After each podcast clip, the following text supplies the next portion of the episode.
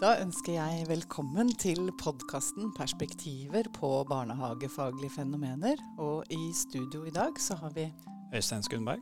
Og Nina Odegard. I dag så er vi så heldige at vi har fått besøk av uh, Ninni Sandvik. Som uh, har vært professor i barnehagepedagogikk på Høgskolen i Østfold. Og har jobba der som barnehageforsker og barnehagelærerutdanner siden 1981. Og før det så har jeg jobba i barnehager. Og det, det, vi har lyst til å snakke med deg om i dag, det er mye vi har lyst til å snakke med deg om, men vi, vi har tatt utgangspunkt i to artikler som du skrevet for noen år siden, som vi har lest. Og, og begge handlet mer eller mindre om det med lek og læring. Så da syns vi det var bra utgangspunkt. Eh, og det er på en måte også begreper som kan, eh, kan føre oss mange veier. Men eh, i i hvert fall en av de artiklene som skriver at man skal ikke tenke på lek og læring som faste kategorier. Hva, hva vil det si? Hva, hva, hva, tenker du på med den formuleringen? Nei, så Først så har jeg lyst til å si at eh, jeg har lyst til å lene meg på den franske filosofen Gilles Deleuze, som sier at hvis jeg vet hva jeg skal skrive eller snakke om, eh, så har jeg ingenting å si. eh, det, så det må på en måte Bare for å gjøre det klart, da befinner meg i rommet mellom det jeg vet og det jeg ikke vet. Sånn at når du stiller et sånt spørsmål, så vet jeg ikke, på en måte. Men jeg tenker at eh, lek og læring har vært konstruert som et dikotomi, eller et motsetningspar. Mm. Og i sånne dikotomier så vil ofte den ene parten få bli privilegert på bekostning av den andre. Og det er på en måte det, hvis jeg ser bakover på det jeg har jobba med, både i barnehage og på høyskole, så er eh, læringen mer og mer Blir læringen mer og mer privilegert og transformerer leken, eh, hvis jeg kan si det sånn. Og da så det er det ene. Og det andre er at uh, hvis jeg, sånn som jeg i den ene artikkelen som heter 'Bortenfor skillet mellom lek og læring', så hvis jeg da tar utgangspunkt i hvordan jeg ser at de yngste barna forholder seg til de to kategoriene, så hvis jeg skal være litt uærbødig, så blåser de i dem. De bryr seg ikke om det. Helt til eh, de etter hvert lærer at det er noe som er lek, og noe som er læring.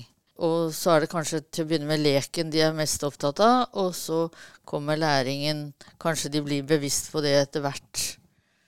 Mm. Så det er, det er mer jeg tror grunntonen i det jeg har jobba med, har hele veien vært å prøve å ta utgangspunkt i hvordan barn Hvilke tilnærminger barn har i verden. Hvordan de forholder seg i verden. Og da er dette et Det å prøve å løse opp skillet da, gjennom disse to praksisfortellingene som jeg har i denne artikkelen, det er en måte å følge barnas spor inn i hvordan jeg tenker at de forholder seg til de to kategoriene. Og som vi snakka om eh, litt før vi begynte her, at det er ikke alltid eh, barn lærer så mye av leken sin, og det er ikke alltid det er så farlig at de ikke gjør det heller. Nei, for det er ikke lekens verdi, sånn som, barns, eller sånn som barnehagefeltet har fra gammelt av tenkt på lek som frilek, som barns egendefinerte, egeninitierte aktivitet, eh, så er ikke det om de lærer noe eller ikke, det er ikke det som er fokuset. Det er ikke det som er poenget med å leke. Mm. Men jeg opplever at etter hvert så blir det mer og mer skjøvet over på at leken er et middel for læring. Ja, at den er verdifull i den grad man kan ja. vise at den fører til mm. Ja, for, for dette er skal jeg ikke spore av helt, men, men jeg syns det er interessant når man, man ser på leklitteratur. For at, eh, altså, bøker om lek for barnehage er ofte sånn at det står at vi, vi setter, bruker mye tid på lek i barnehagen fordi Og så kommer det alltid en eller annen begrunnelse som skal liksom rettferdiggjøre det med, med at leken skal få mye plass. Mm. Og at det ofte er liksom en eller annen sånn læringseffekt, eller det er bra for, for det ene eller for det andre. Mm. Men, men det, kommer det kanskje av at man, man føler man må liksom legitimere den plassen som leken har fått? Ja, det tror jeg at man må. Eh, for leken klarer ikke å brøyte seg vei oppover i systemene av seg selv. Og så prøver man å legitimere det med å si at ja, men de lærer. Barna lærer. De lærer sosiale ferdigheter, de lærer de blir kreative og all verdens eh, godord, på en måte. Mm. Eh, fine ord som høres Som har liksom eh, god klang eh, blant politikere og folk som bestemmer, da. Hva tenker du er Går det an å si det? Hva tenker du er liksom noe av bakgrunnen for at det blir et sånt skille? Noen steder så tenker de jo at det bare går i hop, liksom. Det er ikke nødvendig å lage sånne fastlåste kategorier. Er Noen steder hvor da tenker du Nei, altså Hvis vi ser mot Reggio Emilia f.eks., Ja. så er de veldig opptatt av å ikke eh, definere. Ja. Ikke sant? De bare Ja. sier 'det foregår'. Ja. Ikke sant? Og hva, hva Hvis du tenker litt historisk, da, hva, hva, hva ligger bak, sånn som du ser det, at det blir så fastlåst, på en måte? At vi hele tiden må jobbe med å øke lekens status. Altså Podkasten har jo jobbet masse med nettopp lek som tema, f.eks. Nei, jo, jeg tror eh, Men det vet jeg jo ingenting om, egentlig. Jeg har ikke noe bakgrunn for å si det. Men, men sant, helt siden Barnehagene lå jo ikke i samme departement som skolen før.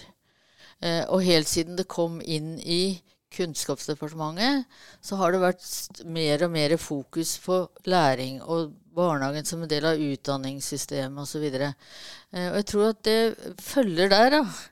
Jeg husker da, da det var snakk om at eh, barnehagene skulle ut av Barnehage- og familiedepartementet, så husker jeg at jeg argumenterte for at det burde inn i Kulturdepartementet.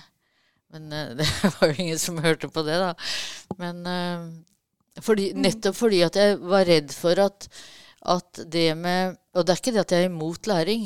Systemet vårt har en sånn ubendig trang til å kontrollere og evaluere og systematisere. Eh, som, jeg gjør, som gjør at jeg tenker at eh, leken får trangere og trangere kår, og den transformeres sånn at den blir et middel for læring. Og det som var utgangspunktet, nemlig barnas egeninitierte, eh, egendefinerte Og ikke det at alt det bare er idyll. For all del, det kan skje mye fælt i barneleken. Men det blir borte. Eh, og, der, og jeg har jo også alltid vært opptatt av tull og tøys. Jeg skrev hovedfagsoppgave om munterhet, blant annet når munterhet rommer livets alvor. Eh, for jeg tror at og, og da får jeg støtte hos den franske filosofen Deleuze igjen, eh, som snakker om nonsens. For jeg tror at det er viktig. Og jeg har mange ganger sagt på Høgskolen i Østfold at vi, det er altfor altfor lite tull og tøys eh, i pedagogikken. Og jeg hadde et slagord en gang på 80- eller 90-tallet med 'mer champagne og mindre tran inn i norske barnehager'. og det er liksom eh, Det er uttrykk for det samme, bare sagt på ulike måter. Har du noen opplevelse at den norske barnehagens forhold til lek har forandret seg det, i de siste 10-20 årene? Ja, uh, utifra, Nå har ikke jeg, har ikke jeg vært så veldig mye ute i barnehagene. Nå har jeg vært pensjonist i to år òg. Men ut fra det studentene forteller, så opplever jeg det at det ble, det ble som jeg sier, trangere. Eh, og leken Lekens vilkår ble begrenset. Du bruker jo et uh, uttrykk i en av artiklene at, om pedagogikkens tvangstrøye. Apropos begrensning. Mm. Eh, og, men er det sånn at læringen, eh, det der ønsket om læring veldig fort blir en tvangstrøye? Eller var det, er det noe annet du tenker på med nei. Jeg vet ikke helt. eh, Jeg tenker både pedagogikken og Jeg skrev jo i den eh, Bortenfor skillet mellom lek og læring, så skrev jeg et brev til Deleuze hvor jeg skriver til slutt takk for at du hjelper meg til å løsne på det akademiske korsettet. Så det er liksom hele veien det at noen setter veldig stramme rammer for hva, hva som kan være lek, eller hva, hvordan du kan oppfatte barns opplevelse, sånn som i den artikkelen, hvor, hvor det er eh, noen barn som sitter rundt et bord, og der står appelsiner på bordet, og plutselig er det to av guttene som vil sparke fotball med den appelsinen. Mener ikke det at eh, man skal fly rundt og sparke fotball med appelsiner, nødvendigvis, men, men prøv å se hva det er de holder på med. Og den voksne eller pedagogen da tenkte at nå er leken over. For de lekte kafélek til å begynne med. Så tenker hun nå er leken over, dette var mislykket, dette fikk jeg ikke til. Men de fortsetter jo å leke, de. Ja. Men de leker på en annen måte. De er ikke så interessert i å sitte på kafé og nippe til kaffen. Ja, for, det er for voksne eller Jeg hører jo ofte at man bruker uttrykket 'god lek' og 'dårlig lek'. Eller at noen gjør det. Og at det handler kanskje mer om at den, den voksne mener at no- det som er god lek, er for det første den som er rolig, og den som er liksom eh, oversiktlig og, og sånn. Men hvis det blir kaotisk, da er det per definisjon en dårlig lek. Fordi at det ødelegger en eller annen sånn plan den voksne hadde, kanskje. Ja, det er selvfølgelig vanskelig å, å dømme praksiser på den måten her, men, men jeg husker at uh, uh, Turi Thorsby Jansen skrev noe om uh, en lek som virket veldig voldsom når hun gikk over gulvet ikke sant, og skulle hente noe, eller Det er sånn jeg husker det. Eh, mens når hun satte seg ned på gulvet, så så hun at det var en logikk der. Det var ikke det at ungene bare fløy fram og tilbake og vima og surra og bråka. Men det var en logikk. Du løp over gulvet fordi du hadde hastverk, du skulle til toget, eller hva det var som var, i leken. da. Så det er, jo noe med, jo noe med å gå ned og ikke se det ovenifra. På en måte, Rent fysisk òg, da. Men også billedlig talt, tenker jeg. Og det er jo akkurat det som jeg har vært opptatt av, nemlig å prøve å se hva er det disse barna gjør. Jeg husker jeg skrev en artikkel eh, om eh, strategier for å markere seg selv blant de yngste barna. Og da de satt rundt bordet, og, og da så jeg jo hvordan når den ene prøvde å gjøre noe mot den andre, eller henvende seg til den andre på en måte som den andre ikke ville, så er det ikke det at du får knyttneveslag eller klyping eller biting med en gang. Da prøvde det, den som ble, som ble henvendt til, prøvde å snu seg vekk først. Altså hadde sånne ikke-voldelige strategier først. Men da må du se det, da. Ikke sant? Du må, du må, være, du må være på alerten. Og det er selvfølgelig kjempevanskelig med så mange barn som det er på gruppene og sånn. Så det klarer man jo ikke. Men da tenker jeg det er viktig at noen peker på det. Så på en småbarnsavdeling, hvis det sitter rundt bordet, og en, et av barna gjerne vil huske, så er det nok at det barnet ser bort på huska. Det er ikke nødvendig at det barnet peker og sier 'jeg vil huske'. Du må lære deg på en måte å, å se også kroppen. Nå er vi jo inne på, eh, på ting som jeg syns er eh, ja, Altså det å være tett på, da. eh, og nå går jeg litt på sida av det, men noe av det som jeg opplever at ikke man ser utenfra, altså i forhold til det med størrelse på grupper og For man må være ganske tett på når man skal oppdage de tingene du beskriver, Nini. Jeg tenker at det er helt umenneskelig å tro at man skal klare det hele tiden. Men av og til, og hvis, det, hvis du klarer det av og til, så hender det at det blinker eh, eh, Eller hva skal jeg si Så hender det at du oppdager noe helt annet som kan hjelpe deg i den pedagogiske virksomheten din. Men virkeligheten er sånn at det er veldig mange barn. Og de uttrykker seg jo hele tiden, både kroppslig og med lyder og med ord. Og de samspiller og holder på. Hvis jeg kan eh, stille deg et spørsmål om eh, liksom det teoretiske i i en av artiklene. Du, du refererer til en som heter Whitehead. Ja. Eh, Alfred Whitehead. Og han er eh, kjent på den retning som kalles prosessfilosofi. Mm. Hvordan kan man se liksom reker og læring i lys av den filosofien? Altså, jeg skal si at jeg har ikke lest all verdens av uh, Whitehead. Og, og min lesing av litteratur legitimeres igjen av Deleuze, som sier at det fins to måter å lese en tekst på. Den ene måten, eller en bok. Den ene måten er å åpne boka som om det allerede er noe der. eh, eh, den andre måten er å lese med kjærlighet, sier han. Eh, og se om det treffer. Mm. Det er akkurat som når du spilte en eh, CD-plate før i gamle dager. Så du hoppet jo over de der eh, sangene som du ikke syns er noe.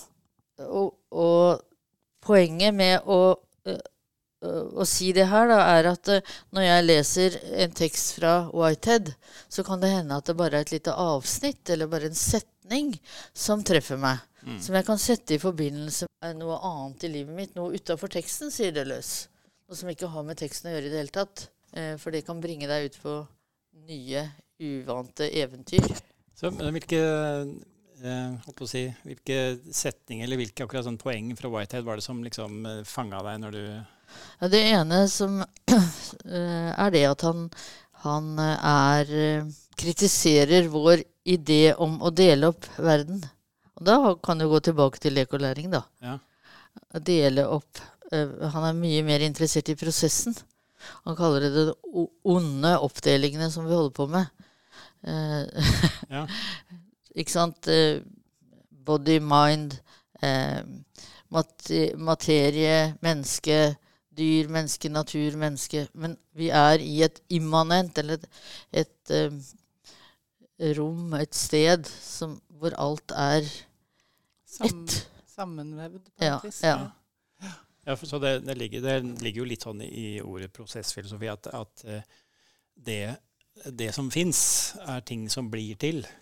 Altså det er, det er, at det er egentlig, sånn jeg forstår eh, det begrepet, at det, det, er få ting, få sånne kategorier eller enheter i verden som ikke er som er noe i seg selv alltid, som aldri forandrer seg, og som alt annet må tilpasse seg. Men at de fleste liksom, fenomener i virkeligheten vår er ting som, som oppstår. Er det ja, nesten Vi kan ta et eksempel fra Liselott Olsson, da, som nå jobber på Universitetet i Malmö.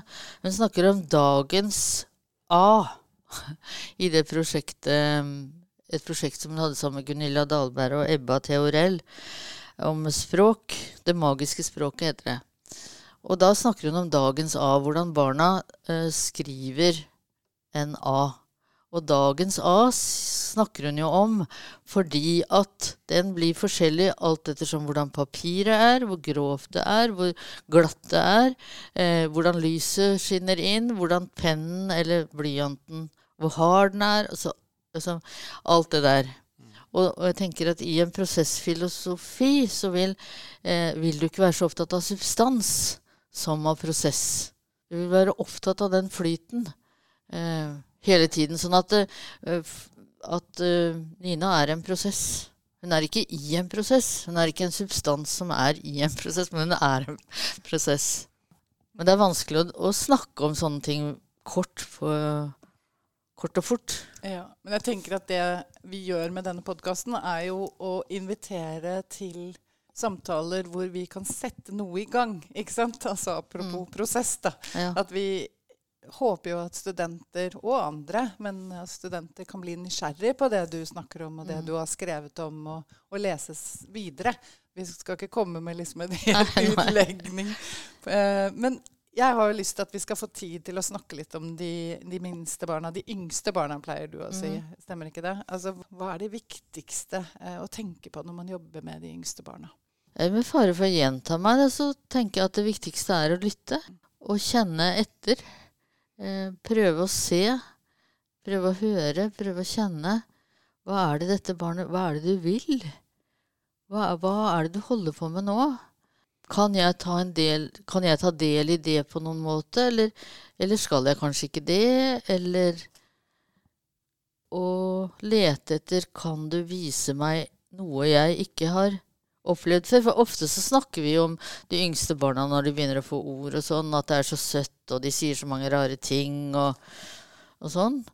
Ja, de er rare kanskje, men de er ikke nødvendigvis Vi behøver ikke å sentimentalisere det, tenker jeg. Ta det på alvor. Og det jeg har jo du og mange av de kollegaene du hadde på Høgskolen i Østfold, jobbet veldig mye med.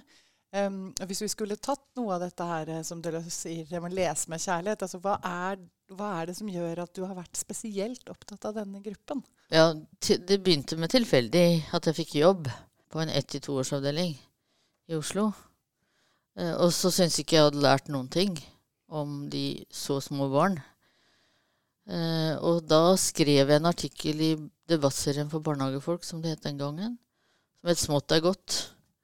Hvor jeg hadde sånne underoverskrifter fra rutinesituasjoner til den gode situasjonen. Fra barn, små barn kan ikke snakke til små barn kan kommunisere. Ja, Nå vet jeg ikke om jeg svarte på Jo, spørsmålet. det er absolutt. Hvorfor har du holdt på med dette i ti år, liksom? De yngste barna, og endte opp også med å starte en egen master Mm. for Ja. uh, studenter som ønsker å fordype seg i de yngste barna. Ja, så det er det jeg sier at det var tilfeldig. Så er det trass. Eh, fordi at det, det, jeg syns det var så lite av det i, i min utdanning da jeg tok førskolelærerutdanning. Og det var lite av det på Høgskolen i Østfold da jeg begynte der. Og så etter hvert så har det blitt sånn interesse for uh, alt det, det jeg har lært av det. Har lært av disse barna. Altså Jeg kunne ikke ha jobbet på en høyskole hvis ikke jeg hadde jobba med små barn. Fordi at jeg husker at det jeg tenkte jeg lærte spesielt, var å ikke være så himla selvhøytidelig. Sånn at eh, på høyskolen så turte jeg å gå opp på kateter og ordne liksom, Gjøre ting som en høyskolelærer ikke skal gjøre. Og det har vi jo tatt med oss i den masteren. Og det, og det skal jeg også si, da, at vi, vi prøver, har jo prøvd, når vi ser i bakspeilet, så har vi prøvd å ta utgangspunkt i små barns tilnærminger i verden som prosessuelle, rhizomatiske eh, Ja, nå husker jeg ikke. Vi hadde fem punkter. Eh, og prøvd å jobbe Vi har jobb, faktisk jobbet på den måten. Og da mener jeg at øh, konklusjonen med det, på det blir at øh, høyere utdanning har noe å lære av småbarnspedagogikken. Har noe å lære av de yngste barnas måte å tilnærme seg eller forholde seg i verden. Ja, nå, hadde jeg tenkt å spørre om om du hadde liksom et, Hvis du skulle gi ett råd til de som skal ut i yrket nå. Men nå, nå ga du egentlig det rådet. så, så det Jeg antar at du, eh, at du ville vært enig i at det, akkurat den holdningen, eller det blikket som du har snakka om, at det er det de skal ha med seg. Mm. Og se hva er, det, hva er det som egentlig skjer her, og hva er det, de egentlig, hva er det egentlig barnet forteller. Ja, og det tenker at det Å koble det til etikk, da. Eh, fordi det er jo en av grunnene til at masteren vår hadde eh, 15 studiepoeng med Husker jeg ikke hva vi kalte det, profesjonsetikk. Det er at det, å arbeide med de yngste barna krever veldig solid etisk holdning. For du kan jo overkjøre dem nesten når som helst. Og det er, det er, noe, det er kjempelett å overtale små barn til å gå ut. Det er bare å senke stemmen og si 'skal vi gå ut'? Bare å være litt begeistra selv, så kommer de jo. Så hvis ikke du er etisk bevisst, da Så jeg tenker det er et veldig alvorlig krav, egentlig. Du skal ha det moro som voksen, du skal lytte, men du skal også være etisk forankra. Dette er, dette er mennesker, dette er folk. Og så er de kanskje under tre år. Men først og fremst er de folk. Hvis de som hører på denne podkasten på vei til jobb, skulle få en oppfordring, hva skulle det vært? Eh, Tenker du i forhold til de yngste barna? Ja, eller til å jobbe i barnehage, eller til eh, hva er, ikke sant? Du, har, du sitter jo med en, eh, mye kunnskap som du kan dele eh, til studentene eller til barnehagefolk på vei til jobben. Hva ville du sagt eh, som en sånn Er det noe du ville lagt spesielt vekt på? Nei, selv om jeg nå til å begynne med snakket for Argumenterte for å, å, å oppheve skillet eller redusere skillet mellom lek og læring, så måtte det være lytt og lær, da. Ja, det er veldig bra. Skal vi si det er bra? Ja. Da vil vi takke Nini Sandvik for at du ble med i podkasten 'Perspektiver på barnehagefaglige fenomener'. Og i studio i dag var Øystein Skundberg. og Nina Odegaard.